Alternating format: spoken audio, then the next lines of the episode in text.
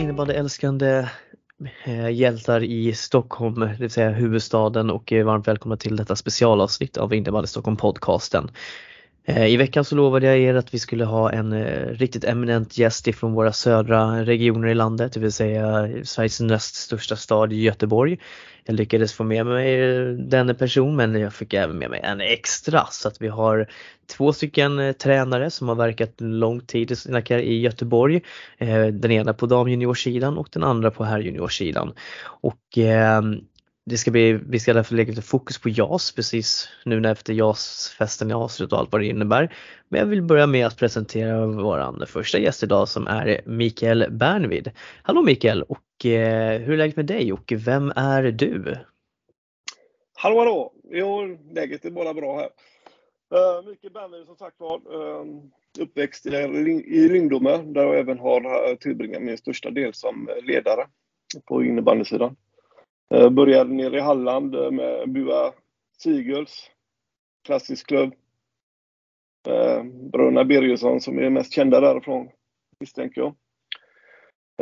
Senare blev det distriktslag i Halland, Göteborg och i Västergötland. En sväng i Pixbo, Sandö och numera håller jag till i Grundenborgs. Där jag lägger en dag i veckan. Resterande av tiden lägger jag på mig själv där jag studerar till fastighetstekniker. Eh, det här grund, Boys. Ja precis, det här Grunden Boys, vad är det för något för de som inte vet om? Grunden Boys är mest kända för sin fotbollssektion med eh, begåvningshandikappade eh, spelare från 6 till, jag tror den äldsta är 65 år Eh, i föreningen. Alla är välkomna i klubben. Vi uttalar inte någonting om att det är någon speciell paraklubb. Så vem som helst är välkommen att med och spela innebandy med oss och fotboll. Och det är ett eh, skitroligt uppdrag faktiskt. Där man får verkligen tillbaka mycket av det och det är glädje och det är garv hela tiden. På en helt annan nivå än eh, elitinnebandy. Ja, jag kan tänka mig att det är väldigt två vilt skilda världar. Eh, och du nämnde ju en massa klubbar där som för mig nästan är rena rama grekiskan. Eh, vilket kanske inte är så konstigt men, eh, men eh, ja, grymt kul att du kunde vara med och eh, vi har även med oss eh, Oskar Sarnovek från eh, Pixbo Wallenstam och eh, hallå Oskar och hur är läget med dig och vem är du? Tjena! Stort tack för att man får eh, vara med. Eh, jag är 37 år gammal och eh, ja, egentligen eh, Pixbo sen, eh, sen jag var fyra. Eh, så jag har fått äran då att vara en del av akademin, alltså där spelarna är från och med 16 till, till 20. Och verkar då egentligen mest kring P16 och JAS då att försöka få den största utväxlingen på dem, inte bara som spelare utan också som, som individer helt enkelt då. Så det är väl vad jag gör om dagarna utöver eh, två barn och sambo. Ja, det verkar fullt upp. Eh, du är inne i innebandybubblan som många andra av oss helt enkelt. Ja. Men eh, jag tänker, jag kan vi kan ju börja med att dra plåstret direkt. Eh, anledningen till att vi sitter här som sagt, som jag nämnde i inledningen är ju att eh, Stockholm har under flera, flera år eh, haft jättestora problem att hävda sig på JAS. Eh, och det, I Stockholm så finns det löpande diskussioner hela tiden om varför det här sker och varför kan vi inte vara mer konkurrenskraftiga. Nu har i och för sig Farsta varit framme två gånger i alla fall senaste året, i alla fall tagit topp fem vilket ändå får ses som ett ganska bra resultat med tanke på den historiken som finns.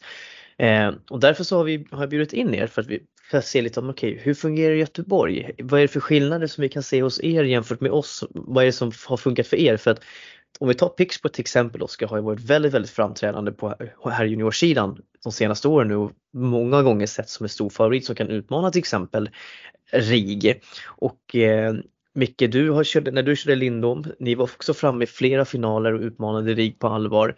Eh, men om vi börjar med med alltså hur, hur är synsättet på JAS i Göteborg? Alltså när, när lagen anmäler sig, alltså vad är det man, vad är det man kikar på?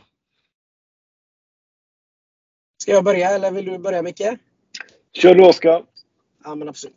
Tar man Göteborg generellt sett så pratar man ju om JASen som om att det är ju liksom, eh, det är ju inte bara att du slåss om ett SM-guld, det är ju en upplevelse. Det är resor, det är, det är tillsammans och det avslutas med en stor, stor fest. Att även om du inte spelar den så, så vill man vara där och kolla. Liksom. Det är the place to be om man säger så. Mm. Och när vi då i Pixbo i alla fall pratar om, om festen så till exempel har ju vi, vi ser ju bara möjligheter. Eh, och jag tror att det är därför det gått så bra för oss. För att vi ser det som en möjlighet att få mäta oss med de bästa eh, och sätta upp ett mål. Eh, och målet för oss blir ju då helt enkelt att, att vi ska stå nummer ett på pallen med eller utan RIG där om man säger så. Liksom. Att vi behöver träna hårdast. Vi behöver bete oss bäst under året, inte bara på innebandyplanen utan det är från när du vaknar. Liksom att vill vi bli mästare så ska vi bete oss som mästare och det har blivit väldigt lyckosamt för oss. Att hela liksom sättet kring träningen blir det blir mer allvar helt enkelt. Att eliten börjar redan där.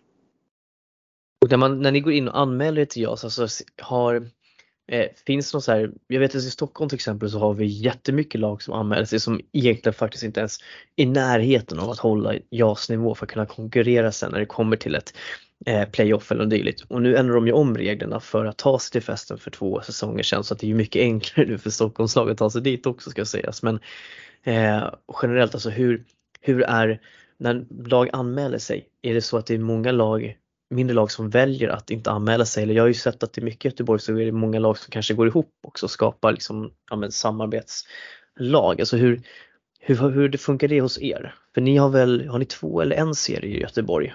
Ja-serier? Två har det varit tidigare. Nu hamnade ju vi i den här serien med eh, där vi fick åka till Mariestad och Jönköping extremt mycket. Eh, så att vi upplever väl att det kanske är det här klassiska svenska tänket ibland att alla ska vara med och det är många som, ja men det där blir roligt. Mm. Men så står de där sen och säger när de möter våra grabbar som kanske till exempel ligger på en 13 träningspass i veckan totalt sett att det här var inte alls roligt. Kan ni, kan ni slå på takten liksom? och det, det är väl det jag ser som är tyvärr det största hindret i juniorallsvenskan generellt sett. Att det är klart att alla ska få vara med men man har också kanske ett ansvar att ställer vi upp så bör vi också ha förberett oss seriöst för detta. Mm. Eh, för det är många matcher som slutar 15-0, 15-2, 10-0. Inte bara när vi spelar utan när andra lag spelar också. Och det, mm. det gör att det blir inte bra. Ja, det är spännande. Det är ungefär lite så som det är i Stockholm också där vissa topplag, speciellt i, ja nu kanske det var lite jämnare i år men tidigare så har det varit väldigt tydligt att det är ett tydligt topplag och de andra har egentligen ingenting att hämta. Eh, mycket jag tänkte på, på DJ-sidan där, hur, hur har tongångarna varit kring JASen där? För att i Stockholm så har vi ju alltid haft det att vi har färre lag på DJ-sidan men de är mycket, mycket starkare och mer konkurrenskraftiga i JASen. Eh, hur har det sett ut i Göteborg? Eh, det ser, ser egentligen likadant ut på, i Göteborg som i Stockholm där på den sidan. Det är inte lika många lag och det är lite jämnare serier och i år, de, de sista åren har det varit en serie bara. Förut har det varit även så som det är på killsidan. Vi åkt upp och mött Lockerud exempelvis. Och några har åkt neråt i landet. Uh, jag tror inte några Göteborgslag åkte neråt i år. Gränsen gick alldeles söder om Göteborg. Så Kungsbackalagen fick åka ner och möta Lund och, och Malmö ah, och så vidare. Men uh, lite inställningen där är ju, har jag haft likadant som Oskar pratar om att vi ska mäta oss med de bästa. Det är ju därför vi håller på. Mm. Och efter en resa på innebandyfesten så märker man att den innebandyn som är effektiv i Göteborg, den är inte effektiv i, i, på Sverigenivå, på högsta mm. nivån. Vi måste ändra vårt spelsätt för att kunna matcha de lagen. Mm. Och, och, det var bara hem och göra om och göra rätt liksom. Ja, ja men precis. Även, även om inte det var effektivt här hemma i Göteborg så blir det mycket mer effektivt mot topplagen i Sverige. Ja, för det, målet är ju ändå att ta sig till just fäste för att möta topplagen eh, och då behöver man ju ha en plan för hur man ska bemöta dem. Men om man säger så här generellt så låter det ändå som att liksom, rent seriestrukturmässigt och anmälningsmässigt så är det ungefär som i Stockholm att det är för, för många lag som kanske inte riktigt håller nivån för jag som anmäler sig vilket gör att det bara blir onödiga matcher som egentligen ingen tjänar någonting på. Eh, utan ja, det skapar bara slitage. Lite det här med att ja, men vi kanske egentligen ska vara med och tävla nästa år men vi, vi testar i år och ser hur tufft det är. Det har man ju märkt liksom har dimpt ner ganska mycket 06-lag till exempel i år. Eh, några har gjort det fantastiskt ska sägas. Ta Hammarby tog sig hela vägen till festen. Eh, men det finns många lag också som har eh, kanske två stycken bara i eh, laget som har rätt ålder innan man säger så. Och det är klart att då blir det ju tufft att gå från Pantamera till till JAS därför att på festen så mm. är det ju kanske divet-nivå och hög allsvensk nivå till exempel på topplagen. Ja. Och då blir ju de här kvalmatcherna som, som de blir som, som slutade tvåsiffrigt till, till många lag. Ja men precis. Eh, och eh, hur ser det ut för er? Jag tänker ju Oskar Pixbo i alla fall, ni har ju som sagt er akademi. Alltså, men blir det mycket så här i Göteborg att de bästa spelarna söker sig till de större klubbarna? Alltså hur, eh, hur fungerar det hos er? För, som jag sa, ni får ju säkert in massa spelare med Pixbo är en av Sveriges största mm. föreningar. Eh, men om du ser, om vi börjar med andra klubbar, ser du liksom att det är bra spelare går till samma lag? Eller alltså hur, hur funkar det hos er? Jo men det skulle man nästan kunna säga. När jag kom till Pixbo för fem säsonger sedan så var det liksom eh, Lindos och Lerum alla ville gå till. Ja, precis. Det var liksom de två. Eh, sen har väl det svängt eh, lite att det har blivit tillbaka till att vi har blivit eh, lite mer populära igen. För vi har inte alltid varit omtyckta i Göteborg Pixbo. Eh, men problemet för oss är ju som vi säger till många är ju att bilden är säkert att vi tar in extremt mycket spelare men jag kan säga att vi säger nej till eh, säkert 20 spelare varje säsong. Att vi har liksom inte plats att ta in alla nej. oavsett hur mycket man vill satsa. Eh, mm. Men det märker man att det är många som kommer och säger jag vill vinna JAS, kan jag vara med er? Eller, och det är ju duktiga spelare men vi har alltid sagt att vi tar inte in någon för, för JAS utan vi tar in spelare Nej, som vill gå hela vägen. Och är de inte beredda att gå hela vägen då, då är det ingen idé ens att eh, träna med akademin. Liksom. För vi, målet för oss är inte JAS, det är att utbilda elitspelare. Liksom. Sen blir JAS en, en bonus om man säger så, liksom, av det jobbet vi gör. Ja, det kan, ja men precis. Vi kan under lite, bara lite utifrån då som inte är, har varit aktiv i Pixbo alla år och bara några säsonger. Där, så har ju Pixbos anseende ändrats något fruktansvärt i Göteborgsregionen. Mm. Förut så var känslan att de tog det bästa och slängde ut slasken. Men nu tar de vara på de spelarna som kommer dit och levererar ut till klubbarna runt omkring tillbaka sen. Så det är att, stor eloge ja, till Pixbo. Jag tror att det också är skillnaden när du får in det hjärtat som finns i klubben idag. Nu är inget illa om mm. de som var innan, de har gjort det fantastiskt. Men skillnaden är för 20 år sedan så spelade jag i Pixbo. För 20 mm. år sedan spelade Mergan i Pixbo. För 20 år sedan spelade Rönnestig i Pixbo. För oss är det klubben mer än bara en förening. Det är ju liksom våran barndom. Det är skötebarn liksom och då blir det att de som styr där uppe då ser ju det kanske mer att det är viktigt att ta vara på och få tillbaka anseendet igen. Liksom. Mm. Ja, men det känns verkligen som att eh, Pixbo just nu är en väldigt välmående förening. Damlaget går ju bra liksom och det känns som att det är fler och fler egna produkter som kommer underifrån. Samma sak med herrlaget, det är bara att titta nu liksom. Första femman består av tre stycken jasbördiga spelare till exempel. Alltså det, det känns som att Pixbo har eh, tagit steg i rätt riktning och just för att man har verkligen jobbat rätt med de spelarna. För jag tycker det är väldigt intressant det här du säger att, att spelare söker sig till er men att man tar inte mm. in dem bara för att utan att man har okej okay, ni måste ha ett långsiktigt perspektiv för ni måste vilja någonting mer innan, ni måste ha ambition. Det som sträcker sig mm. längre än ert juniorspel. För du sa ju det i början av presentationen, okej okay, du ska försöka fostra P16-spelare till att kanske bli elitspelare eller, eller fortsätta spela på hög seniornivå eller i alla fall spela innebandy. Och det, är ja. liksom, det kräver ju sin kravbild från de här juniorerna. Jag tror att att komma in till Pixbo med den kravbilden det är en sån sak som jag tror gynnar er och jag tror att Täby i Stockholm är de som är mm. närmast till att försöka replikera för de gör ju jättestora satsningar nu på både sin bredd och sin elitverksamhet. Mm. Eh, och men ja, sen är det så här, för vi sitter ju med det här problemet i Stockholm att alla våra bra spelare är ju utspridda. Överallt. Mm. Alltså det, det finns ju inte det som ni erbjuder, Pixbo till exempel som ni berättar om här.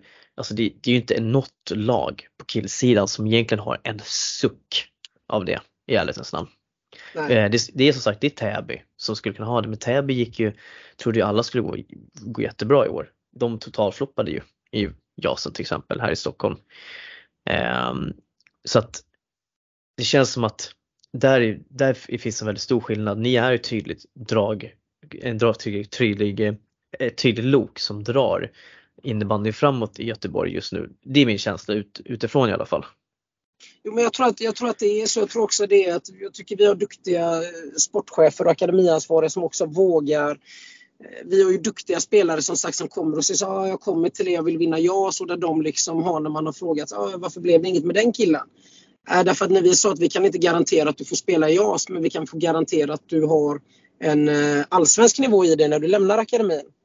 Mm. Då var det inte lika aktuellt längre och jag tror att den biten är viktig att de fortsätter så som de har gjort. Liksom, att men det är den här vägen vi ska vandra. Och om den här individen just inte vill spela för att vi inte lovade honom någonting även om han var topp i regionen eh, så tror jag ändå det är rätt sätt att gå för att få eh, den träningsmiljön vi har, den mentaliteten vi har på både spelare och ledare. Och eh, då håller man liksom den här hungern uppe. Liksom, att men vi, vi är på ett visst sätt och det krävs att vara på ett visst sätt för att vara här. Liksom. Att vi är inte är här för ett år utan du är i akademin nästan fyra år. Mm. Sen får vi se vad det blev av dig. Men gör du jobbet, då kommer du vara här. Och där är jag övertygad om att folk nu då när de tittar på det känner att det där är en bra miljö att vara i. Liksom att anseendet har ändrats kontra innan när man tog in kanske 15 spelare ett år och 12 spelare nästa år och så vidare. Då. Jag tänker så här Oskar, om du, innan vi går över till mycket så tänker jag, hur många spelare sitter ni i er juniortrupp, om vi säger som så, idag? Eh, och hur många ledare är ni? Tittar man på truppen idag så är den egentligen den är för tunn i år. Eh, I och med att så många har gått upp till SSL. Eh, Mm. Det gick lite bättre och fortare än vad man trodde och det är klart att det på ett sätt är en fantastisk känsla när man tittar på den matchen Pixbo fick stryk i Falun med, jag kommer inte ihåg om det blev 8-2 när liksom Fyra av fem i första femman är liksom ja, fyra av fem från vår första femma i Jasen. Eh, men samtidigt så har det ju haft sina nackdelar just i år att truppen har ju varit tunn. Vi har ju fått lyfta upp eh, 08 till Asien, 07 eh, 06 som har gjort det fantastiskt men som kanske inte skulle vara där. Så skulle jag säga i år så har truppen kanske varit på tre målvakter och säg 19 utespelare och sen kan man ju ta bort då att det alltid är någon som är skadad och, och någon är sjuk och sen kan du lägga bort fyra stycken som är med i SSL då liksom. Så den har ju varit extremt Mm. tunn i år. Ja, Men i Ja, vanliga fall så är den kanske på säg 22 utespelare och, och tre målvakter liksom. mm. Och hur många ledare är ni fördelade på, på de här spelarna? Vi har ju som tur i akademin att vi, vi är ganska många ledare. Jag skulle vilja säga att vi brukar vara i snitt fem ledare i själva akademin. Då. Eh, där du har, säg att du har tingat tre till JAS, eh, två till Divet och eh, två är i Div 3. Sen kan det vara samma person eh, på två ställen också. och Sådär. Mm. Men vi, vi har bra liksom att man, man, de har folk med sig. De som är 16 och JAS, de har med mig och de som är Divet och JAS, eh, de har med TG då, Tobias Gabrielsson som vi har till exempel Mm. då. Och sen JAS 9 har ju eh, Mergan då, så alla alla har en ledare med sig på två ställen kan man nästan säga. Liksom. Så det blir aldrig det här att eh, den här ledaren ty tycker bara bra om mig eller den här ledaren tycker inte bra om mig eller den här ledaren säger att jag bara ska göra det. Utan då får de med sig en trygg punkt och sen får de alltid liksom minst en ny röst också då, liksom per, per träningspass. Då. Och då, är det, så här, det, då, pratar vi fem stycken tränare eller coacher och sen så har ni ju som sagt säkert lagledare och sådana de funktionerna runt omkring sen då, eller hur? Om jag förstår rätt. Ja, ja, precis. vi har en jätteapparat. Mm. Vi har fantastiska människor där. Vi har ju liksom tre stycken eh, eh, vad ska man säga, materialare. Fast jag, jag säger snarare de är, de är alltid kringare för de gör så mycket mer än bara ta materialet. Liksom. Har, ni föräld- är någon, har ni några föräldratränare i akademin? Vi har en som är målvaktstränare på specifika Okej, ja. eh, så, men vi har ingen föräldratränare som står och håller i pass. Eh, Nej. däremot kan det ju hända givetvis om folk är sjuka eller det är träningskrock, matchkrock att givetvis man kallar in nu att vi har duktiga Ja. föräldrar men vi har ingen som har det som kontrakt så att säga då. Nej precis. Ja, spännande. Eh, Micke, när du rattade Lindoms DJ här, alltså hur, eh, Eh, hur, var, hur var, var, fick ni också mycket spelare som sökte sig till er eh, för att ni, och alltså hur, hur fungerar er verksamhet eh, då? Vi fick ju det eh, mer och mer ju, ju bättre resultat vi visade så visade, dök mer och mer spelare upp. Men vi var ju likadana där som Pixbo. Vi är jättelika eh, historier egentligen. Vi tackar också nej till spelare för vi vill satsa på den egna, e-, egna produkter först och främst. Mm. Och, det, och det gjorde vi även sen i Allsvenskan när jag var ledare där. Vi hade ju 18 mm. 23 våra egna produkter där. Men ni klarade väl av det? Ni klarade väl, ni klarade väl kvar också flera år i Allsvenskan? Ja, vi, de, de, två, de två åren jag var med där så slutade vi trea i Allsvenskan. Med, mm. Tappa kvalplatsen på sista omgången typ. Mm. Så det funkade. Eh, det var inga konstigheter. Men eh, jag funderar mer och mer på det som Pixbo, dem, de var inblandade i vårat också där. Vi var ju, vi hade fem spelare i veckan som var med på en träning med Pixbos SSL-lag. Mm. Så upp och kände på den miljön där uppe och det gynnar ju oss något fruktansvärt. De kommer hem med massa energi till våra träningar sen. Och sen någonting annat som är likt där, eh, som Oskar berättade, det är ju att vi jobbar mellan lagen. Jag vet inte alls hur, hur vanligt det är, men jag ser ju likheterna med hur vi jobbade i Lindom och som Pixby jobbar. Är att det är inga, inga brandväggar mellan lagen. Vi jobbar ihop. Det är transparent emellan. Hoppa upp och ner och ledarna är med överallt och hjälper till och i flera årskullar. Då. Mm. Och, och då är inte vi en akademi i Lindome men eh, vi funkar ju som, på samma sätt som en akademi. På så sätt. Ja, eh, det är, väldigt, det är väldigt intressant att höra för att eh, alltså tittar vi som exempel i Stockholm idag så för många ungdomar här så är JASen allt. Man ser ju att spelare byter för att spela JAS till höger och vänster och eh, egentligen så ska man ju, JASen är ju inte ett slutmål någonstans utan det är ju ett delmål på sin resa till att bli, bli en fulländad innebandyspelare och eh, tittar man lite på så är det väldigt många spelare som jag kan känna, okej okay, finns det, vad finns det för förutsättningar i den här föreningen? Okej, okay, de har ett bra JAS-lag men herrlaget till exempel eller damlaget kanske inte håller nivå. Okej, okay, men jag för när ni berättar så låter det som att nyckeln till att ni också har varit, blivit så starka är att ni har en tydlig, eh, ett, att det är en tydlighet i att man spelar JAS och sen så är det seniorserie man spelar, en, minst en seniorspelare man spelar.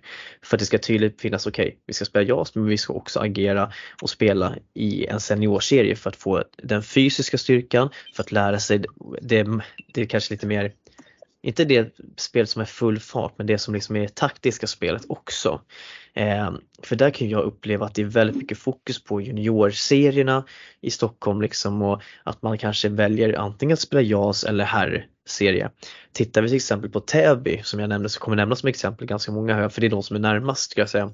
Eh, så hade man på DJ-sidan så har man massa 06 er De körde över allt i USM. Eh, sen åkte de nu mm. till innebandyfesten här i helgen som var, eh, eller förra helgen blev det ju, och tog en nionde plats vilket ändå helt okej okay för ett lag med mestadels 06 som tongivande spelare. Men där blir det ju liksom också så, så, tydligt med att de spelarna som är framtiden här, de har ju kört damallsvenskan hela säsongen. I princip också. Att det gör väldigt mycket. Och där upplever jag att det är många herrlag eh, i Stockholm som har missat. Tittar vi till exempel på Eh, ja men Farsta har ju flera spelare som har varit med och spelat på hög nivå i år, både i herrettan och eh, långt fram i herrtvåan. Vissa har till och med spelat eh, herrallsvenskan Eh, på sina håll. De har till U19 landslagsspelare. Tittar man på BL Barkarby till exempel, ja men de har två, tre stycken som har varit med och kört med herrallsvenskan. Den ena sucks hela tiden, två, två andra så här sporadiskt. Eh, kikar vi på Hammarby till exempel, ja, deras herrlag åker ju ur till exempel, men de har ju liksom spelat JAS och eh, herrjuniorserie och eh, USM allt vad det är för något. Men det, det är tydligt där att utifrån det som ni berättar och tittar man som vi pratade om med er Oskar, ni har fyra spelare i första fem SSL. Stockholm, mm. alltså det är inget Stockholmslag som ens är nära det. Alltså den, alltså den eh, eh den linjen och dess, dessutom så har ni massa spelare som spelar i herrrätten också. Det är ju hela ert jaslag som jag förstår det som spelar herrrätten också nästintill. Eh, ja, om jag förstod det rätt. Det skulle, ja, det skulle jag säga och jag tror att det är väl det som är så svårt tror jag för många, kanske framförallt mindre klubbar. Eh, just det att du har en duktig kull och så kanske du är så inställd på att ah, men vi vill vinna P16 så vi, vi vill hålla ihop gruppen ett år till eller sådär. Eh, så vi gjorde redan förra året var ju att de portionerades ut helt enkelt. Pantamera, Div 3 eh, och Div 1. Och sen så insåg man att okej, okay, de är för bra för Pantamera. Eh, mm. Det finns ingen anledning för dem att härja omkring där. Eh, och så hade man ju nere eh, Lindberg, Schill eh, och Hammarkvist var nere i Div 3 i början förra året. Men de gjorde liksom mm. fyra poäng var per match och vi sa ganska snabbt att det är bra för Div 3 eh, att ha dem med men för oss är det meningslöst och för dem så de åkte upp till Divet direkt och där är klart mm. Första halvåret var ju tufft. Alltså det var ju många som var liksom, ah, men de är för unga, men de är för klena. Eh, det gick ganska tufft. Men vi sa att ja, fast ska de bli seniora i sitt spel så måste de ju få göra det i lugn och ro. Och då valde ja. vi att, att tro på det helt enkelt. På att de som var för bra för Div 3 spelade Div 1 oavsett hur det gick. Och de som behövde eh, Div 3 för den var lagom nivå, de körde där tills det blev för lätt för dem med. Och när vi märkte att okej, okay, nu har vi killar som går runt och gör fyra poäng per match och blir liksom inte stimulerade att gå på max. Då mm. åkte de upp i, i, i divet också då liksom. Och jag tror mm. att det är så man måste eh, våga göra om man vill ge killarna en ärlig chans att bli elitspelare. Så måste du stimulera dem att de så mycket som möjligt får ligga så, så nära max. Eh, vinna med 13-2 ger liksom ingenting men om du hela tiden spelar 7-5, 5-5, 5-7, 3-5, 4-6, 6-4. Det ger dig extremt mycket där du blir straffad hela tiden på små, små eh, marginaler och det har ju vi varit benhårda på och de ledarna i de olika lagen då har ju varit jag som har haft div 3 tidigare till exempel har varit helt prestigelös med att när de har sagt att nu vill vi ha mm. De här fem upp till divet, de är redo. Och då har jag liksom, även om vi har legat i botten, absolut ta dem för de behöver det. Mm. Och det ja, tror precis. jag är unikt hos oss. Just att vi är så prestigelösa inom föreningen mot varandra då med lagen. Att spelarna ska vara där de, eh, där de utvecklas och inte kanske där vi behöver dem om man säger så. Utan det är där de eh, behöver vara. Och det där, är det där är ju en jätteintressant tanke som, som jag tycker att det finns en brist utav i alla fall i, i, i Stockholm och det är just den här prestigelösheten. Jag tycker att man är eh, det är för mycket att man ser på sina egna lag istället för liksom samverkan och eh, tittar vi på vissa klubbar eh, idag eh, så är det ju kanske en, två spelare som sagt som får vara uppe i seniorinnebandy på lägre, högre nivå och eh, det känns som att utbytet mellan representationslaget på seniornivå och eh, juniornivån är liksom inte tillräckligt bra. Det finns vissa klubbar som har det här, som har anammat det här eh, bra. Alltså som sagt Täby har börjat nu och verkligen gör generationsskiftet och jobbar ju rätt. Vi har Åkersberga mm. som klev upp i SS Dam SSL med ganska många egna produkter ändå också. Eh, och mycket unga spelare. Och, eh, varav den ena gjorde ju en su succésäsong där kan man ju lugnt säga, Hanna Nordstrand. Men, eh, och sen så har vi ju Nacka som också gick upp med väldigt mycket egna produkter när de väl gjorde det. Eh, mm. Och de, det här var ju också lag, det här är ju, är ju lag som har varit konkurrenskraftiga också i, på DJ-sidan. Mm. Tittar man på, på här sidan i Stockholm så är, är det samma sak där. Det är eh, väldigt få juniorer som har varit med och eh, klivit upp. Tittar du på Farsta idag, deras herretlag eh, ligger i mitten av herrettan men de har ändå haft mycket juniorer igång och har en tydlig idé om att deras juniorer ska växla upp. Deras, de går kanske inte i topplag varje säsong, eh, långt ifrån. Men de har en tydlighet i att unga spelare ska kliva upp och spela på herrettan nivå. Vi tar till exempel en spelare som William Forsman Eklund. Okej, okay, han körde herrettan eh, förra säsongen. I år eh, fick han en dubbel med Salem, gjorde jättebra ifrån sig, var så när på att komma med i U19. Eh, tokdominerat liksom på många sätt i år. Där, det är en sån spelare. Eh, ni i Pixbo, ni har ju, haft, ni har ju fyra sådana i princip. Eh, nu var inte de med på festen den här gången av uppenbar anledning men just att eh, där tycker jag att man ser liksom den här tydliga skillnaden att, att det finns för få lag som har en plan med sin eh, representationsverksamhet där, och man, där man liksom ska sluta upp spelare och man liksom försöker att nå någonting där man kanske inte riktigt är redo att ta steget. Eh, mm. nu, nu svävar jag liksom, liksom, men just det här att den här veta var det finns, ligger i eh, näringskedjan lite. Om du förstår vad jag menar. Ja, och jag tror att där underlättar det väl också för oss kanske just att vi är killar från föreningen själva. Mm. Alltså som har varit där som barspel. Så att för mig är det liksom egentligen irrelevant vi kan ta till exempel Storvreta-cupen. Det har varit jättekul att åka dit med vårt JAS-lag men mm. eh, det är liksom lite som vår akademiansvarig och JAS chefstränare Mergan Redjaman där sa. Liksom så att, absolut, det har varit kul att åka till Uppsala men vad hade det gett oss? Är det inte bättre vi river av ett träningsläger eh, mm. hemma och så bjuder vi in istället allsvenska lag? Och får, ja, och får, den, får den ordentligt i ansiktet och lär oss av det istället. För det är vad som krävs om vi ska kunna matcha topplagen på festen. Och det, det är så sant att liksom våga släppa mm. lite på den egna prestigen. Att ja, men det kanske inte behöver vinna eh, nu hittar jag på Guldkuppen eller panta mera röd till varje pris eller division 3 mm. utan det som räknas är hur tuffa bataljer kan vi ge killarna så att det verkligen ger dem någonting istället. Ska vi ta en jämförelse där med isken på DE18. Då tog vi eh, taxi som man är. Så ringde jag upp Varberg och tog träningsmatch mot deras SSL-lag. Liksom. Mm. Vi, vi vill ha tuffaste möjliga motståndet. Eh, allsvenska lagen tränade det. Vi skulle möta lag från serien över. För det är ju dit vi vill. Vi vill ju inte sträva neråt. Vi vill sträva uppåt. vi skulle möta bättre lag hela tiden. Min filosofi. Och ja. eh, vi mötte många SSL-lag och det laget som vi helst ville slå, eller i min värld som jag ansåg var det bästa i vår årskull, det var ju Nacka. Mm. Men de rådde vi aldrig på tyvärr. Ja, eh, du, var ju, du körde ju på där med Lindon precis som den generationen där när Nacka hade sin riktigt fina generation där med 00 och 99 så att, eh, ehm, och, Men jag tänker så här mycket att tittar man eh, på tjejsidan i Stockholm så är det ju en helt annan situation än vad det är på killsidan. Det som jag nämnde, där har vi ändå varit lite mer konkurrenskraftiga. Eh, det är inte lika mycket JAS-lag vilket gör att de bra spelarna samlas på mer samma ställe.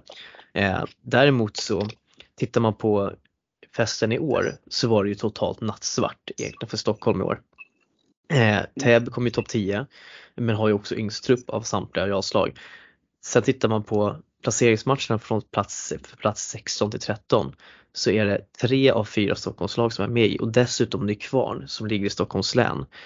Eh, Huddinge IBS kommer sist i festen på tjejsidan. Eh, Sköndal kommer näst sist och Bele Barkarby kommer på plats eh, 14. Eh, och där, det får en ju undra vad som är, vad, vad är som, som, som sker egentligen för det är inte vanligheterna. Och teorierna är ju där att Stockholm har svårt i det fysiska spelet att ta de duellerna. Eh, och jag tänker mycket alltså hur i Göteborg, kolla alltså, på, om vi kollar på Pixbo där eh, som gick till final. Mm. Större delen utav det laget spelade ju Allsvenskan förra året. Precis. Och, och det spelar det. division 1 i år. Eh, Landvetter mm. spelar division 1 i år, kval upp till Allsvenskan. Stora delar utav det laget. Mm.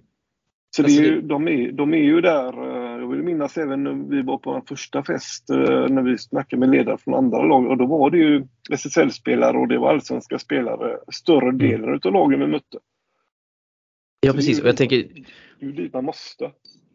Och där är ju inte bara liksom ni utan tittar vi på Storvreta, vi tittar på Lockerud. Det här är ju lag med Amen. spelare som direkt kommer från, från de här tuffa kvalen till exempel och allsvensk nivå.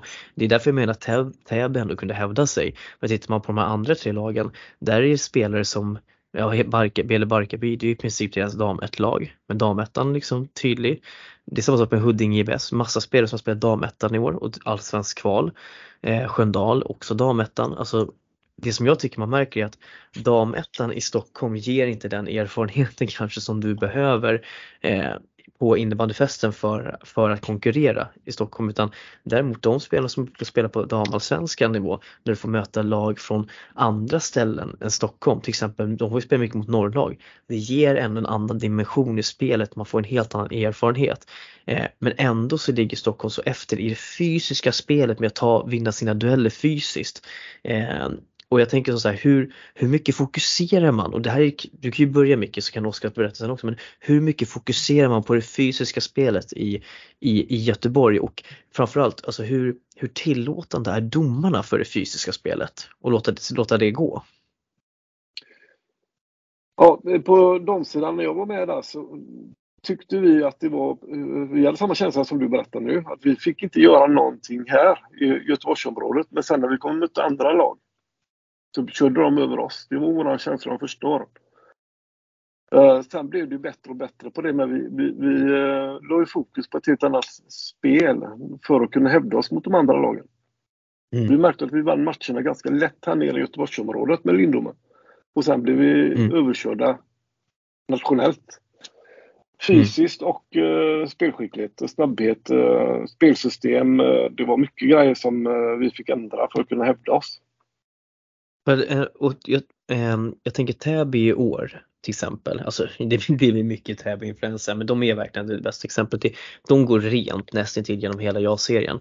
Eh, de vinner stort egentligen i alla sina matcher förutom när de möter typ ja men topp tre, det vill säga Bele och Hagunda i den serien.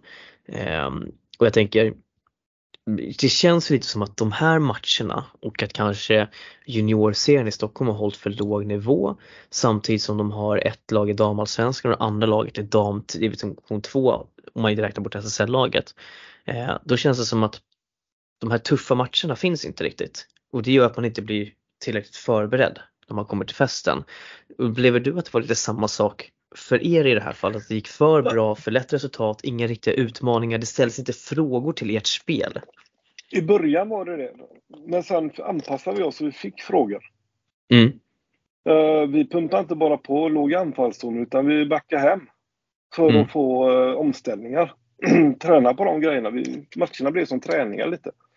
Mm vi anpassade oss för att eh, vi, ja, vi helt enkelt skulle kunna förbereda oss på rätt sätt. Mm. Men det var ja. första år, eller mellanåren, där sista åren kom de andra lagen ikapp och då blev det bättre och bättre. Innebandyn blev bättre i Göteborgsområdet på damsidan. Ju längre mm. vi gick. Mm. Men det är ju mycket som uh, man har pratat med. De säger att vi kan. Kan Lindome ta sig dit, då kan vi det. Och då sparar det de andra lagen runt omkring också knyter näven mm. att uh, vi, ska, vi ska med. Liksom. Vi, vi är ledare och pratar väldigt mycket med varandra i Göteborgsområdet också i olika klubbar. Ja, men precis. Och hur, hur, hur fungerar det liksom? Alltså är det eh, mellan er ledare och klubbarna, alltså är det mycket prestige mellan klubbarna också eller är det mycket liksom, men kan man ligger ändå liksom, man har en samsyn på hur man ska driva innebandyn framåt liksom och eh, den biten på DJ-sidan? Det är väl lite blandat kan jag nog säga. Jag har ju alltid tyckt att eh, det bästa för Göteborgsinnebandyn eller västsvenska är att ha ett ledande lag. Mm. Och det är inte så svårt att lista ut vilka det är. Det är ju det bästa laget som ska vara ledande. Och mm. de kan vi förse med spelare så kan vi få tillbaka spelare därifrån. Ja, precis. Kalle, Kalle, vi var ju i Pixbos eh, lag när jag var där och vi hade jättebra samarbete. Ja. Um Oskar, om vi kikar på killsidan då. Eh, jag skulle säga att det är lite samma sak där. Att kill, alltså, eh, killgelagen i Stockholm också har väldigt svårt att hävda sig i det, i det fysiska spelet. Man är inte beredda liksom på den, den tyngden som många lag eh, utanför Stockholm kommer in med i matcher. Hur, eh, hur, hur mycket fokuserar ni på den fysiska aspekten av spelet eh, i, i Pixbo eller i Göteborg? Vi har ju turen skulle jag vilja säga i och med att vi nu har fått en bra kultur med att många spelare har klivit upp, inte bara i år utan även tidigare år. Och det är just det här att du ska dit. Du ska eh, kunna tackla som eh, den gubben eller stå pall som, som den. Eh, och då behöver vi jobba med det här. Eh, det största hindret jag ser är ju bara att vi har bra fysträningar, vi pratar med motståndartränare, vi pratar med domare att liksom, vi vill ha en en tuff men eh, fair kamp. Men liksom blås hellre för slag men släpp det fysiska spelet. Men tyvärr upplever jag väl att det inte blir så under matcherna utan att det blir ofta eh, en klockren tackling där båda står upp så får mm. de ändå själv spelarna hela tiden för att domarna är rädda att någon ska bli skadad. Eh, mm. Tydligt exempel var, eh, hade en match förra året men även i år där domarna kom fram liksom till, till oss ledare och sa att ni får säga till era spelare och sluta spela så tufft. Och vi frågar mm. liksom, men de här killarna tränar ju med SSL några pass i veckan. och ligger mm. på totalt 13 pass i veckan. Vadå? Vi kan ju inte be dem ta, dem ta det lugnt. De är ju redan elitspelare liksom. Mm. Jaha, oj, ja men det tänkte vi inte på. Men det här är väl en division 1 serie liksom. Det ja, ska väl vara tufft.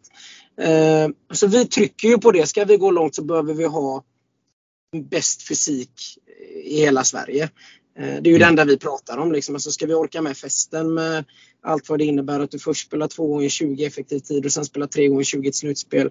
Är du inte bäst tränad då dels blir du skadad men sen framförallt det går liksom inte att det går inte att vinna liksom, om du inte är bäst tränad och det tycker jag vi bevisade förra året framförallt när man mm. ligger under egentligen hela finalen mot IG med tre mål.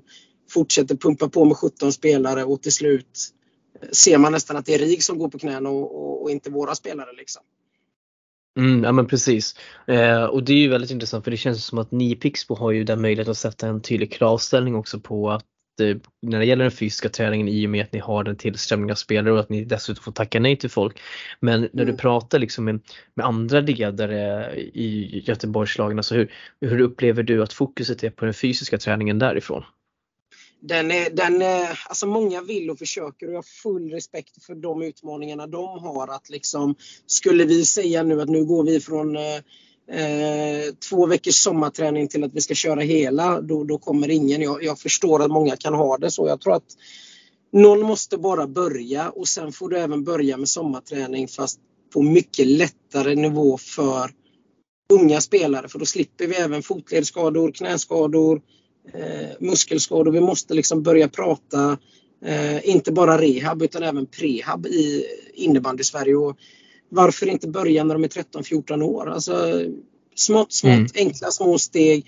Då får du upp en, en kull som har den kulturen. Jag tror att det blir svårt för något random lag och bara säga nu ska vi gå bra i Asen nästa år så nu kommer vi köra tre dagar i veckan på sommaren. Det är klart att då fattar jag att många killar säkert hade sagt att men det här är nog inget eh, inget för mig liksom att du kanske har två killar där som har det drivet. Så jag tror att du måste börja i mindre klubbar i tid. Alltså sätt en kultur. Mm. Vi rehab och prehab-tränar liksom. Vi har ju haft hela tiden fjärde perioden. Alltså hur mm. trötta killarna än är liksom. Bara, men vi orkar inte. Nej, vi förstår det men Säg att du står där och det blir eh, förlängning och sen straffar. Du ska orka slå den där straffen och den energin om du inte bygger upp den nu liksom. Nej men precis och jag tänker, skulle du säga att det är nästan, alltså det är klart att man behöver ha en bra försäsong i benen, det, det, behöver man alltid ha. Men skulle du säga att det är minst lika viktigt att upprätthålla en form av fysisk eh, träning, alltså en, en bra nivå av fysisk träning även under säsong? Ja, det, det, måste man göra. Jag, jag har ju tur att jag har eh, vänner som är hockeytränare på, på hög nivå. Och jag frågar liksom dem, hur, hur jobbar ni med era 14-15-åringar innan de kommer in i akademin? Mm. Och de tränar ju ännu hårdare än vad vi gör. För jag frågar lite liksom hur, finns det någon risk här att om vi kör det här parallellt att, att det blir skador, att, att det är för hårt? Vad tycker ni? Hur gör ni?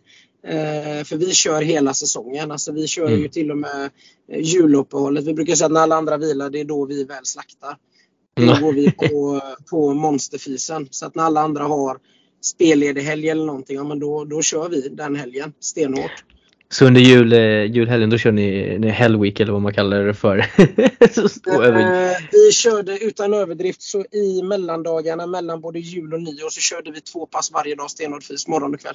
Herregud alltså, det, det säger, men det sätter ju ändå någonstans en standard. Jag tänker att det är ju det här som att ni gör det, det ska ju, det, det ska också det vara, ni ska ju vara en förebild, ett, ett, som jag sa, mm. ett lok som andra ska kunna ta efter. Sen behöver man kanske inte vara alla behöver inte vara på den nivån men att liksom Nej, att okay, men här har vi ändå ett upplägg som fungerar. Det är bara att titta. Eh, vi kan ju nämna förra säsongen, ni vinner Jasen, ni slår mm. RIG i finalen, gör en jättebra prestation där, bra lag och alltihop. Eh, men det är precis som du säger, ni orkade mycket, mycket mer på slutet och det märktes ju tydligt också. Eh, mm. Och sen visst, ni har ju spetsspelare men det är ju för att ni har jobbat med, med en tydlig kravbild på spelarna liksom och har en tydlig ambition och, och mm. vision med det ni gör utifrån det som jag kan höra. Eh, och det låter ju ändå som att just den här fysiska biten och att hela tiden liksom vara påkopplade eh, är det som gör att ni vinner förra året. Men jo, om du själv får beskriva den resan, alltså hur, Eh, vad, vad, säger du om den resan som ni gjorde förra året egentligen? Vad var nycklarna? Nej, men nyc nycklarna var egentligen att det var ju en kull som alltså, haft bra, bra föräldrar i alla år. Inte bara att föräldrarna har varit stora spelare själva utan eh, med sunda värderingar. Eh, så att när, när de väl kom upp i, i akademin så kom ju pandemin där. Mm. Och det var ju liksom där att ja, men, eh, man får inte vara mer än åtta personer inom en viss yta. Och föräldrarna tyckte och vi ville erbjuda dem att träna så att föräldrarna hjälpte till att skotta fotbollsplaner. Vi stod och mätte liksom med eh, sådana här långa måttband liksom för att liksom har vi rätt avstånd. Eh, vi tränade ute när det var 12 minus. Eh, bara för att bygga en sammanhållning att liksom, nu ska inte de här killarna bli eh, hemmasittare utan de ska få möjlighet att göra precis det de vill även om det är en pandemi. Mm. Och där någonstans föddes det en kultur då i och med att den första kullen då med Oskar Weissbach och Filip Wrandemark, Charlie, Pet eh, Charlie Jonsson och ja, det var ju ett gäng där liksom som gick upp från 00 eh, Och de här ville inte vara sämre och vi sa att enda fördelen ni kan ha på alla andra det är att ni passar på när de andra inte tränar. Eh, mm. För menar, killarna har ju varandra på Snapchat, Facebook, Instagram. Man frågar liksom tränar, tränar de andra? Nej, de gör ingenting. Bra, här kan vi skilja oss åt nu under den här pandemin. Vi ska träna som om att vi ska möta RIG nästa vecka och det ska vi göra så mycket vi kan fram till serien drar igång. Och det mm. jobbade alla spelarna liksom, föll in i det och de ville det.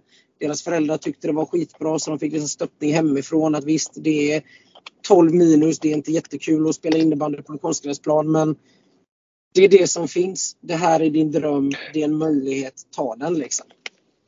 Tillägg där, så ja, under den tiden där i Pixbo, det var inte fem som kom utan vi var ju rätt många på träningen. Ja, vi var som mest, som mest 89 och ett snitt på 64 om man tar både här och damakademi där. Så det var ju helt, helt fantastiskt. Så att när man väl sen fick gå in i hallen så var det liksom så, här, så nu har vi byggt en grundfys. Nu ska vi bibehålla den och då gick vi på det här med fjärde perioden att efteråt så hade vi duktiga fystränare som kunde hjälpa dem i i gymmet. Eh, vi har bra avtal med gymmen här som låter oss eh, låna utrustningen. Eh, vi har haft helt prestigelösa ledare som Per Tjusberg, eh, Joel Rausvall som är med kring mm. landslagsstaberna som har kommit ner och hjälpt oss ledare, hjälpt spelarna för att få extra motivation. Eh, så vi, vi, har haft jätteroligt. Det har varit väldigt tufft men, eh, men jätteroligt att verkligen ha en grupp som eh, som har haft ett enda mål. Det är klart att de säkert har druckit alkohol och slarvat emellanåt men under säsong eh, vågar jag säga med handen på hjärtat att där har de verkligen liksom, nej jag har ett mål och det det tänker jag hålla liksom. Och det, det, det har varit helt fantastiskt den resan. Vi har blivit eh, som en familj allihopa liksom. Vi har ju ja-spelarna som inte fick vara med i år för att de var för gamla. De mm. var med och körde hela vägen ut och stod på läktaren. Eh, stod med utanför omklädningsrummen och mm.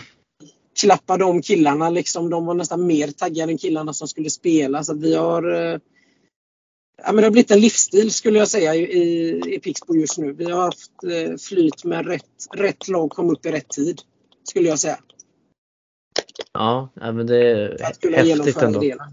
Ja, men det är det. det man blir, precis varit på avslut, man blir lite rörd just när killarna säger det nu att eh, vad tar ni med er? Att mm. när jag inte är sugen att åka träna liksom 21.30 till, till 23 eh, så kommer jag sakna just den bittra känslan jag har när jag åker men den glada jag får när jag, när jag kommer in i omklädningsrummet och inser att vi ska mysa. Alltså när det är fys liksom. För att då inser de att då är vi alla i samma båt liksom. Vi tycker det är lika jobbigt men det är lika gött efteråt liksom. En annan grej för att förtydliga inställningen på den gruppen som Oskar pratade om. Vi hade ju fredagsträningar där, och Oskar, bara för att latcha lite. Ja. Det blev så, vi fick ju äh, avgränsa av det för det kom för mycket spelare att träna. Mm. Jag tänkte mycket... Eh, dela upp det till varannan vecka typ så de inte kom alla på en gång.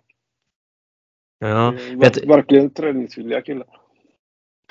Men jag tänkte mycket när de, de åren där ni gick långt också, så vilka nycklar var, vilka var era nycklar för att ta er så pass långt? Nej men det är ju samma där. Jag ser ju likheterna klockrent. Jag vet inte hur Pixbo körde i år men eh, förut körde de också JAS. Jag ser ju inte huvudgruppen. Utan Mm. vi körde ju i Lindome, där körde de med eh, damlaget eller juniorlaget och så körde vi JAS en dag i veckan. Mm. Och eh, fys, ett fyspass hade vi varje vecka hela, hela säsongen. Det la vi aldrig bort. Nej. Det är inte, inte på försäsong bara, utan det körde vi hela tiden. Precis som Pixbo har gjort nu, låter det som på Oskar, eller det vet jag att de har gjort. Eh, Fysen är ju färskvara, den, det kan man ju inte sluta med. Det måste man fortsätta med. Det har alltid varit vår inställning. Mm. För tjejerna låg på ganska hög, eh, inte alls eh, så högt som de ligger där, 13 pass. Eh, nio tjejerna låg där kanske på upp mot en 9-10 kanske. Så vi hade Mm. fyra, fem gemensamma i Lindome. Ja, nej men. Så det, eh, jag hör ju det nu när vi pratar här att det, där har vi en gemensam nämnare. Att vi tränar ju mycket mer än eh, många av våra konkurrenter gjorde. Jag tänker så här, så hur ser era, era träningsförutsättningar ut? För jag vet ju att här i Stockholm så är det ju krig om halvtiderna. Det är för få hallar, det är för, dålig, för dåliga möjligheter. Det är för få hallar som till exempel har gym i samband med träningshallar. Det finns, eh, det är bara små planer. Alltså, vad, hur ser era förutsättningar ut, både träningstidsmässigt men också faciliteter? I Lindome hade vi ju, eh, ska vi se vad blir det, fem planer att välja på. Det är ju ganska mycket för eh, en så, så pass liten klubb. Men vi var inte ensamma på dem givetvis. Men vi hade ju, vi det varierar mellan de fem planerna. Mm. Och hur ser det ut för er Oskar? Jag gissar på att ni har massa tider i och med den, det omfånget ni har ändå, den storleken ni har. Nu ser det ljusare ut när vi har Wallenstam Arena. För då har vi Wallenstam Arena A och B så vi har två hallar som är eh, bara liksom innebandy. Eh, men Wallenstam Arena stod ju klar förra året så tar man året innan det så hade vi Wallenstamhallen och Mölnlycke idrottshall men de delades ju även med badminton eh, och sen var det ju futsal och så var det handboll ett tag, eh, innefotboll. Eh, så då var det lite knivigare för att då fick man lägga in Tältet, eh. Ja, precis. Eh, så att, så att då var det mycket, mycket tuffare. Men det är ju fortfarande ändå så här att vi hade behövt ha eh, egentligen mer halvtid sett till vad, dels vad vi ledare vill göra men framförallt hur mycket killarna vill träna liksom, och för att de ska få möjligheter att bli sitt bästa. Så att förhoppningsvis så blir det en hall eh, till nu i samband med Wallenstam Arena som är färdig Okej. men som kommunen och eh, byggherren då inte riktigt har enats om priset om, om jag förstod det hela rätt. inte Mm. det klart? Eh, jo, men det är inte klart än om, eh, om vi får tillgång till den. Spännande. Mm. Ja, för där känner jag också en sån sak. Jag menar, vi, vi, det är ju många lag i Stockholm som kanske tränar två, max tre gånger, två i hallen, ett fyspass kanske. Sen finns det ju lite så här, vi har ju en del NIU-skolor också, eh, som sagt, inte här och var, men det känns fortfarande som att den träningsmängden som, som vi har är för liten och det känns som att det är för eh, min upplevelse, erfarenhet i alla fall i Stockholm är att att folk, att spelare inte orkar att köra sitt NIU och sen sitt vanliga lag och sen även köra med ett eventuellt seniorlag. Och jag tänker Mm. också att, och utifrån det som ni berättar så känns det som att där har ju också Stockholm ett, ett samverkningsproblem.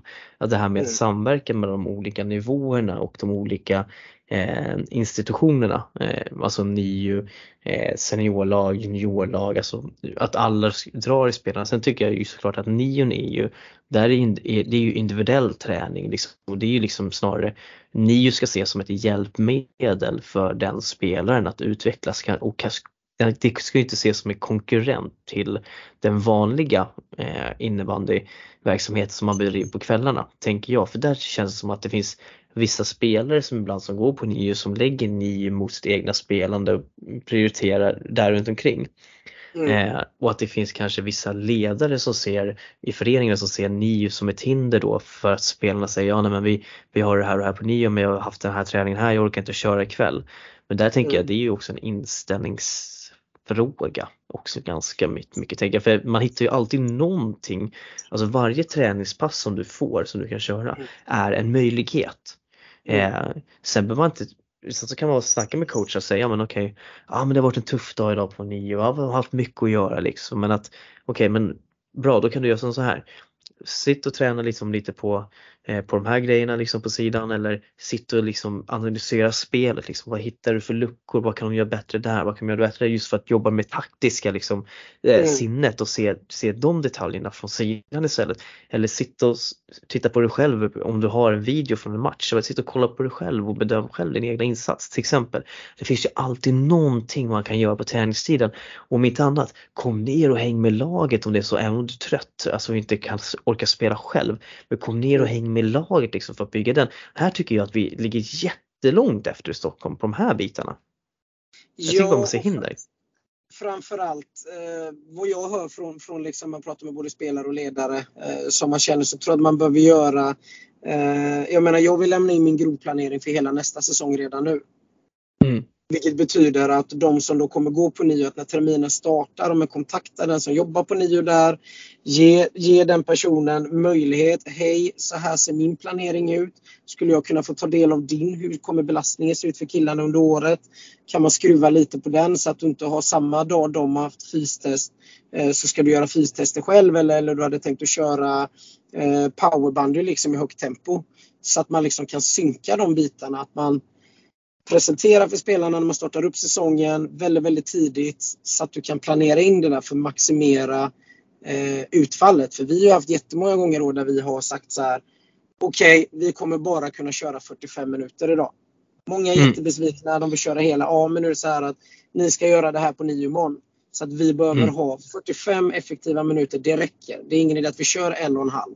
Utan mm. vi kör effektivt och sen bryter vi och så kommer ni ha bra kroppar imorgon. Jag tror att där ligger man nog lite efter och där har ju vi också då haft tur med att de som har nio runt om i Göteborg eh, är folk som man också är lite bekant med. med att man har hållit på med innebandy i Göteborg i, för min del då i alla fall i 30 år. Liksom. Så mm. det är ganska enkelt att kontakta och säga att eh, skulle vi kunna eh, samverka här liksom. Mm. Ja men precis. Det gillar ju de med liksom, för då får ju de ju piggare, fräschare elever till skolan. Och, eh, ibland har det även hänt att de har ringt och sagt att hej, eh, nu ska vi göra det här och det är inte bara ni det drabbar utan det är även de här klubbarna som också har tuffa divet eller JAS-matcher eller vad det kan vara. Och så har man liksom, ja men okej, tack. Vi, eh, då ruckar vi på det denna veckan, vår planering. Ni kör enligt ert schema. Eh, jag tror liksom man behöver se eh, mer än bara sitt eget om man verkligen vill killarnas bästa. Liksom. Mm. Ja men precis. Eh, som jag sa, alltså det, här, i de här bitarna så känns, är min känsla liksom att jag ska inte säga att jag har det facit på att det är så. Eh, men jag kan ju bara se till, liksom, till de lagen jag har tränat liksom, att det här är liksom den här samverkan är lite, lite problematisk men ofta så, mm. jag ska inte lägga någon skugga över våra nio instruktörer för jag tror mer kanske att det här är, eh, jag tror att det är spelare och framförallt kanske föräldrafråga här också. Eh, föräldrar mm. tror att deras barn eh, eller deras döttrar och söner blir, får en sån hög belastning om de ska träna flera gånger i veckan men att okej, okay, det finns olika sorters träning. Allting behöver inte vara fysisk träning heller när det gäller innebandy. All, alltså det handlar om som sagt att hitta en helhet och hitta, hitta utvecklingspunkter på andra sätt i så fall om man känner att ja, men det är tungt i kroppen idag. Eh, mm. Och eh, att få spelare och föräldrar att förstå den här vikt, vikten av det här också. Eh, jag tror att sånt, det är sånt, där, sånt där gör jätte, jätteskillnad i, i slutändan. Eh, jag tänker att jag har egentligen två punkter kvar som jag skulle vilja ta med er. Jag tänker vi, jag har en förbundsfråga som jag tänker spara till sist men hur ser ni i Göteborg på det här med Eh, dels ihopsammansatta lag, alltså ett lag som går ihop för att skapa en, en, star, ett stark, ett, ett starkare lag helt enkelt i JAS och dubbellicenser.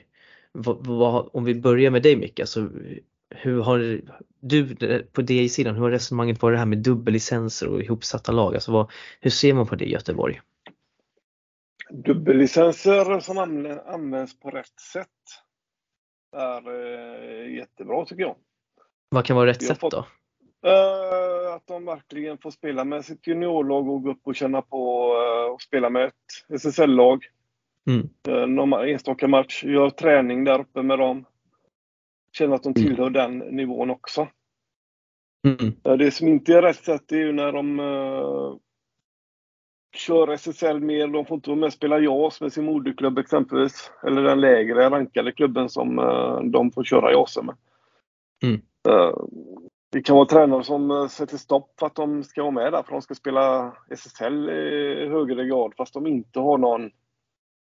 Nu pratar vi inte eh, Lindberg och Schill här som verkligen går in och visar.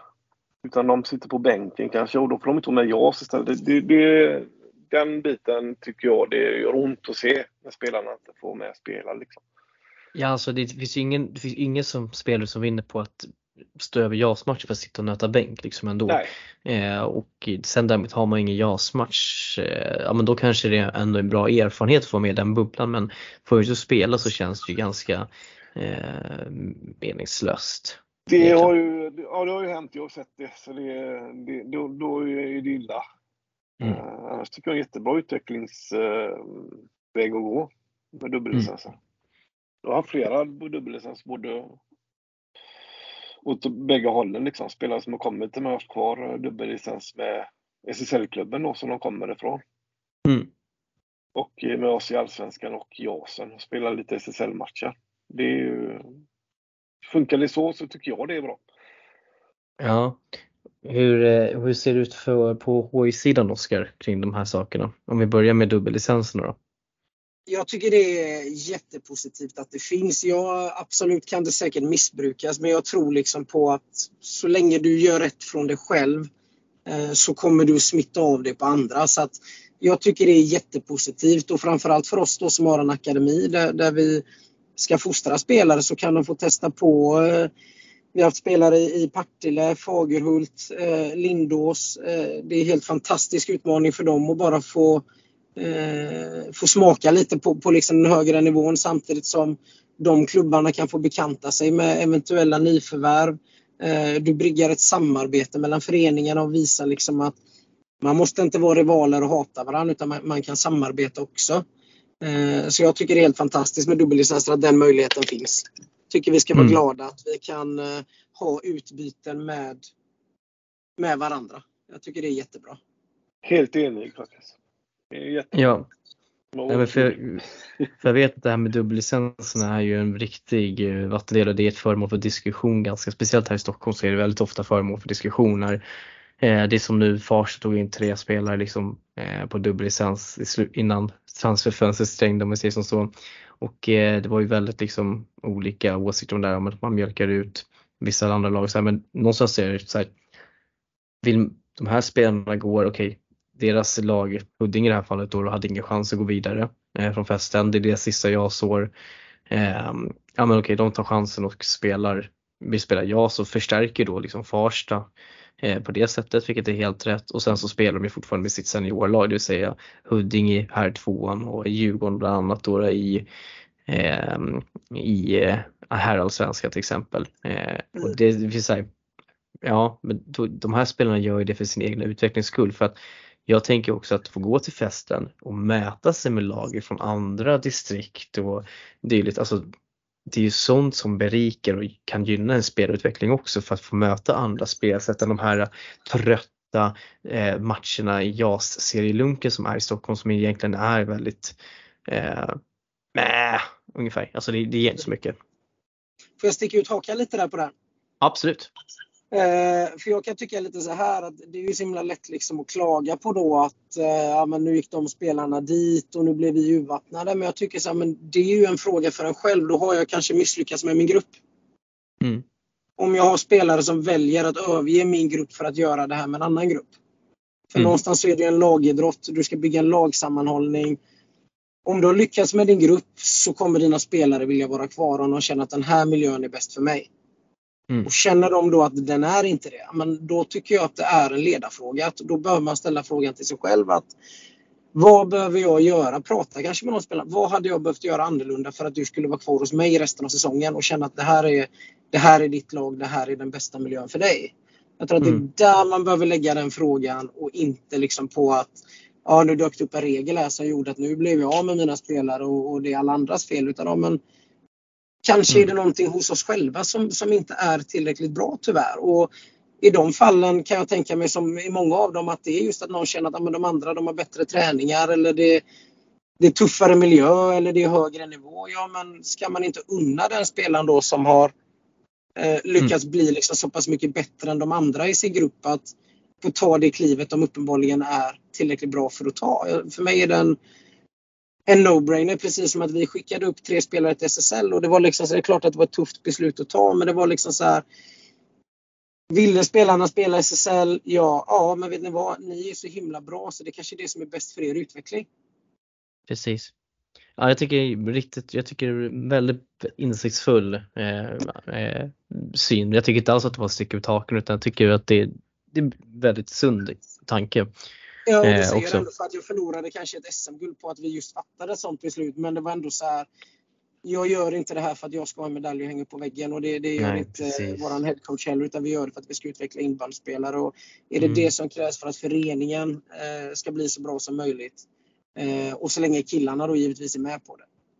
Och framförallt så var det väldigt bra för föreningen för att man tog sig till semifinal för första gången på flera år och man utmanade ju Falun till sju matcher. Det, det eh, hände verkligen inte ofta. Det var ju Helsingborg för några år sedan som gjorde, var nära att göra det liksom men det, det hör ju inte till vanligt, alltså man får ju verkligen säga att eh, jag tycker ändå att det var ett rätt beslut för de här spelarnas skull för de här, det, kommer, det där kommer de ha nytta av och vissa av de där får ju faktiskt spela JAS även nästa säsong. Ja, jag tänker mig även de här killarna man pratar med nu inför SM nästa år som går in i akademin. Mm. Som kanske tycker oj vad mycket ni kommer, vi kommer träna i sommar. Oj vad mycket Absolut. Kommer inte tvinga dig att göra allt det här. Men om du vill, lik de som har visat att det går, du kommer behöva göra samma resa och beroende på vad man är i sin egen utveckling. Kanske behöver träna lite hårdare eller kan, mm. kan ligga enligt samma eh, stock. Jag tror liksom på det eh, i längden. Att liksom motivera spelare. Och Sen kanske du tappar några spelare på att du kör tufft men, men å andra sidan finns det andra killar som inte alls har det tufft i sina föreningar som inte har eh, Jag tror liksom det blir, det blir en win-win i slutändan liksom att i slutändan så har du producerat så många eh, elittänkande människor som möjligt liksom. Ja men precis och det är ju det, nu, det, är det som är så bra betyg för er verksamhet också att ni har haft de här spelarna som har varit så framträdande sen för det visar ju på att er verksamhet fungerar. Att är man beredd på att lägga i det hårda jobbet och göra det man ska eh, så kan man ta sig, så finns det väldigt goda möjligheter att kunna ta sig långt. Mm. Eh, och, eh, men jag tänkte så här, ehm, jag har inte haft så mycket jag, jag kommer försöka få till en intervju med Stockholms innebandyförbund här men jag tänkte liksom Västsvenska förbundet, alltså hur, hur är deras inställning till JASen? I, alltså vad finns det för vanliga juniorserier i Göteborg eh, som de driver? Alltså hur, men alltså, men hur, hur ser förbundet på JASen och vilken stöttning får, får ni i, för, ja, med JAS och allt, alla de här bitarna? Jag skulle säga att på här sidan så har jag inte tänkt på det. Det är väl för att vi har inga lag alltså i, i i akademin så är vi liksom inte nere och stökar i Pantamera. Eh, någonting. Så, så att jag, jag har ganska dålig koll på, på det. Men det enda jag kan säga är att jag tycker att vårt eh, västsvenskar har fått jättemycket skit de senaste åren. Eh, som säkert har varit befogad. Men jag upplevt i alla fall att de två senaste åren så när det har varit någonting så har de i alla fall lyssnat och funnits där och eh, gjort det de har kunnat. Liksom. Mm. Eh, det upplever jag när det har varit till exempel mycket serie, serie Eh, när vi ska flytta div 1-match och div 3-match och eh, eh även JAS-matcher där det liksom funnits en förståelse för problematiken då om man som vi har eh, div 3, JAS, div 1. Sen har du ju på damsidan lika mycket att det är så shit det här kommer krocka i hallen. Vi behöver eh, skjuta på en match. Så har vi liksom upplevt att där har de i alla fall gjort allt för att det ska flyta på för alla parter. Inte bara för oss utan även för våra motståndarlag också liksom när det har varit någonting. Mm. Eh, Micke, jag tänker du har ju lite erfarenhet, inte bara från västsvenska men utan eh, lite Halland ja. också om jag inte missminner mig, eller hur? Ja, både Halland, ja. Men jag ska inte vara så här, det, det, åren går fort va. Mm. Jag har inte varit nere på Pantamera-serierna på många, många år. Så jag har inte så mycket, jag har dålig insyn där. Men den, den erfarenhet ni har, de, alltså de, är nivån inte tillräckligt bra? Vad sa du? Alltså hur var, nivå, var nivån inte tillräckligt bra heller, alltså på de här serierna också när det begav sig på din tid? Om jag förstår vad jag menar. Nej, det var, det var väldigt o, jag, jag minns att ojämna matcher och det var... Nej, men, nej jag, jag passar på den. Jag Ja. var dåligt insatt. eh, Ja, nej men det är, inget, det är lugnt. Eh, nej men alltså som sagt, jag tycker att eh, utifrån det som ni har berättat så tycker jag att det finns ganska tydliga skillnader här i framförallt i organisation, tankesätt eh, och eh, framförallt eh, samverkan eh, jämfört med vad många lag har. Eh, och det som jag sa, jag tror att Täby är ett exempel som är på rätt väg, verkligen. Men att det finns fler, jag tror att Stockholm skulle må bra utav lite färre ja-slag och kanske att som den klassiska diskussionen att flera spelare samlas på samma ställe för att kunna skapa bra utvecklingsförutsättningar. För att jag tror att det är, vill man ha ett SSL-lag på sikt som kan etablera sig och konkurrera så be, behöver man nog ha en tung ungdomssida eh, bakom sig helt enkelt för det. Hur ser ni i Stockholm på RIG förresten? Ja, det där är ju väldigt varierat. Eh, jag vet att eh, det är väldigt splittrat. Vissa tycker ju att RIG är ja men lite, kanske lite, lite, lite fusket och fuskakt och sånt där. Men det är så här, jag tror att vi bara har infunnit oss i att RIG är väldigt bra. De är med i seriespelet eh, och ja, de, de konkurrerar precis som, precis som alla andra. Utan de spelarna som kommer upp dit får väldigt bra förutsättningar och det är ju oftast ganska många Stockholmsspelare som faktiskt kommer in på RIG också ska Mm. sägas. Vi gör ju väldigt mycket bra i Stockholm för vi är ju väldigt starka på, speciellt på DJ-sidan i i distriktslags-SM. Eh, vi har väldigt bra killkullar har vi haft ändå vissa år nu. 04 och 06 var ändå bra. Sen, att de är, finns det, sen finns det anledning till att de åker ut. Det ska man lugnt Mm. säga. Eh, men spelarmässigt så ligger vi ändå bra till. Men det är någonting som händer där sen efter det där det är det där steget där, därefter sen som det är någonting som händer. Eh, Mm. Men RIG generellt tycker jag många ser som nå- någonting positivt, någonting att titta på och liksom ändå försöka liksom att lära sig utav. Det, det är min upplevelse i alla fall när jag pratar, det är inte så mycket negativt mot RIG. Sen vet jag att det är väldigt mycket diskussion om det här ute i landet, att det är väldigt liksom splittrat kring hur man anser det men någonstans är det så här att ja, det var ju någon, jag läste i någon innebandygrupp att det var någon som la ett förslag om att de fortfarande ska tillhöra sitt gamla lag och kunna spela matcher med dem men att man ska sen spela den också. Det, det Ja, kommer ju aldrig att gå. Nej, Alltså det, nej, det är nej. helt omöjligt. Och Ja, det funkar Eh, inte. Nej precis, att, alltså, och de här spelarna måste ju få spela innebandy någonstans. Och tittar du liksom om RIG gör bra ifrån sig i damallsvenskan och eh, herrallsvenskan gjorde man i år. Sen så kommer det säkert gå ganska tungt nästa säsong när man tappar 04-kullen men det är en annan femma. Men tittar man som på innebandyfesten här nu. Jag tycker att Pixbo bevisade det förra året. Jag tycker Micke att när ni mötte RIG med Lindom, samma sak där. Jag tycker ändå att ni har visat att det går verkligen att utmana RIG med rätt förutsättningar och med rätt approach de matcherna. Eh, du kan liksom inte gå in, du måste ha ett speciellt sätt att möta RIG på och hantera dem. Eh. Precis, alltså för att de, det här är spelare som Vissa pratar om gräddfil och räkmackor och ja det kanske är lite det ibland till U19-uttagningarna. Men samtidigt så är det här spelare som har blivit uttagna för att de ska fostras som elitspelare. Men det man ska säga om RIG som har skett det, det är ju att de har ju inte fått, min upplevelse är att de inte har lika stort renommé som de hade för många år sedan. För att spelare lämnar nu för att de ser utvecklingspotential på andra sidan. Göteborg, nya Pixbo Akademi till exempel, visar ju tydligt att man behöver inte gå på RIG för att bli bra. Mm. Vi har Falun som också har gått in liksom och blivit en plantskola nu också. Eh, Täby går samma väg till mötes. Till exempel, jag menar Moa Dynefalk gick tillbaka till Täby. Hanna Nordstrand tackade nej till RIG till exempel för att vara i Kåkersberga. Vad är de nu? Jo, de etablerade SSL-spelare nu liksom. Så det går ju. Ja, och det är lite det jag menar. Då har de erbjudit en, en egen miljö där liksom, nej, men jag vill vara kvar här. Varför jag ställde frågan är för att jag tycker så här att ibland blir det lite fult också. Man pekar finger att liksom, RIG borde inte vara med och det är gräddfil. Men någonstans så de här spelarna som går där gör ett hästjobb i tre år. Det är Mm. liksom inte så att de bara sätter sig där på en stol och sen så blir de landslagsspelare. Utan det är ju spelare som, som, som har en drivkraft och verkligen kör och lyckas. Och sen kan jag tycka att vi tycker dubbellicenser generellt sett är bra. Vi tycker de här sammanslagningarna mellan lag generellt sett är bra. Men man kan ju inte vara för det och sen säga att fast RIG får inte göra så. Eller de får Nej, men precis. Det, det är ju en uttagning och där är de bästa. Och då får ju vi andra bara anta utmaningen. Om de, låt, låt dem driva bandyn ett tag då så får vi andra bara haka på och se till att ta över taktpinnen. Så jag tycker det är jättebra att de finns och sätter en, eh, sätter en nivå. Jag tycker de får onödigt otacksamt mycket skit faktiskt.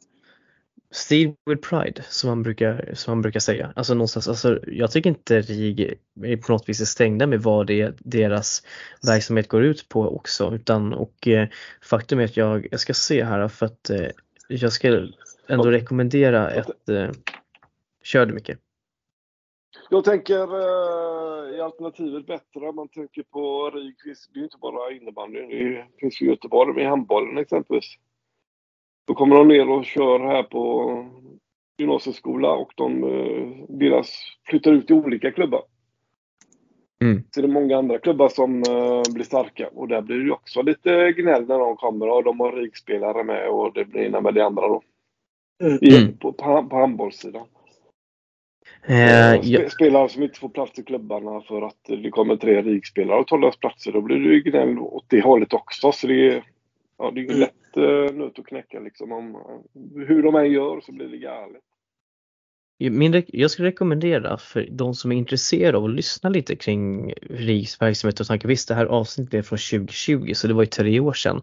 Men Johan Good som driver coachpodden gjorde ett inspelning med eh, Peter Svensson Hörnsten som jobbar på RIG eh, mm. på Kör DJ. Eh, jättebra intervju och väldigt, väldigt spännande. För de som skulle vilja veta lite mer om hur RIG fungerar så skulle jag verkligen rekommendera att gå in och lyssna på det. Coachpodden avsnitt 23. Eh, eh, lyssna gärna på det. Eh, jätteintressant eh, om man vill lära sig mer om de bitarna.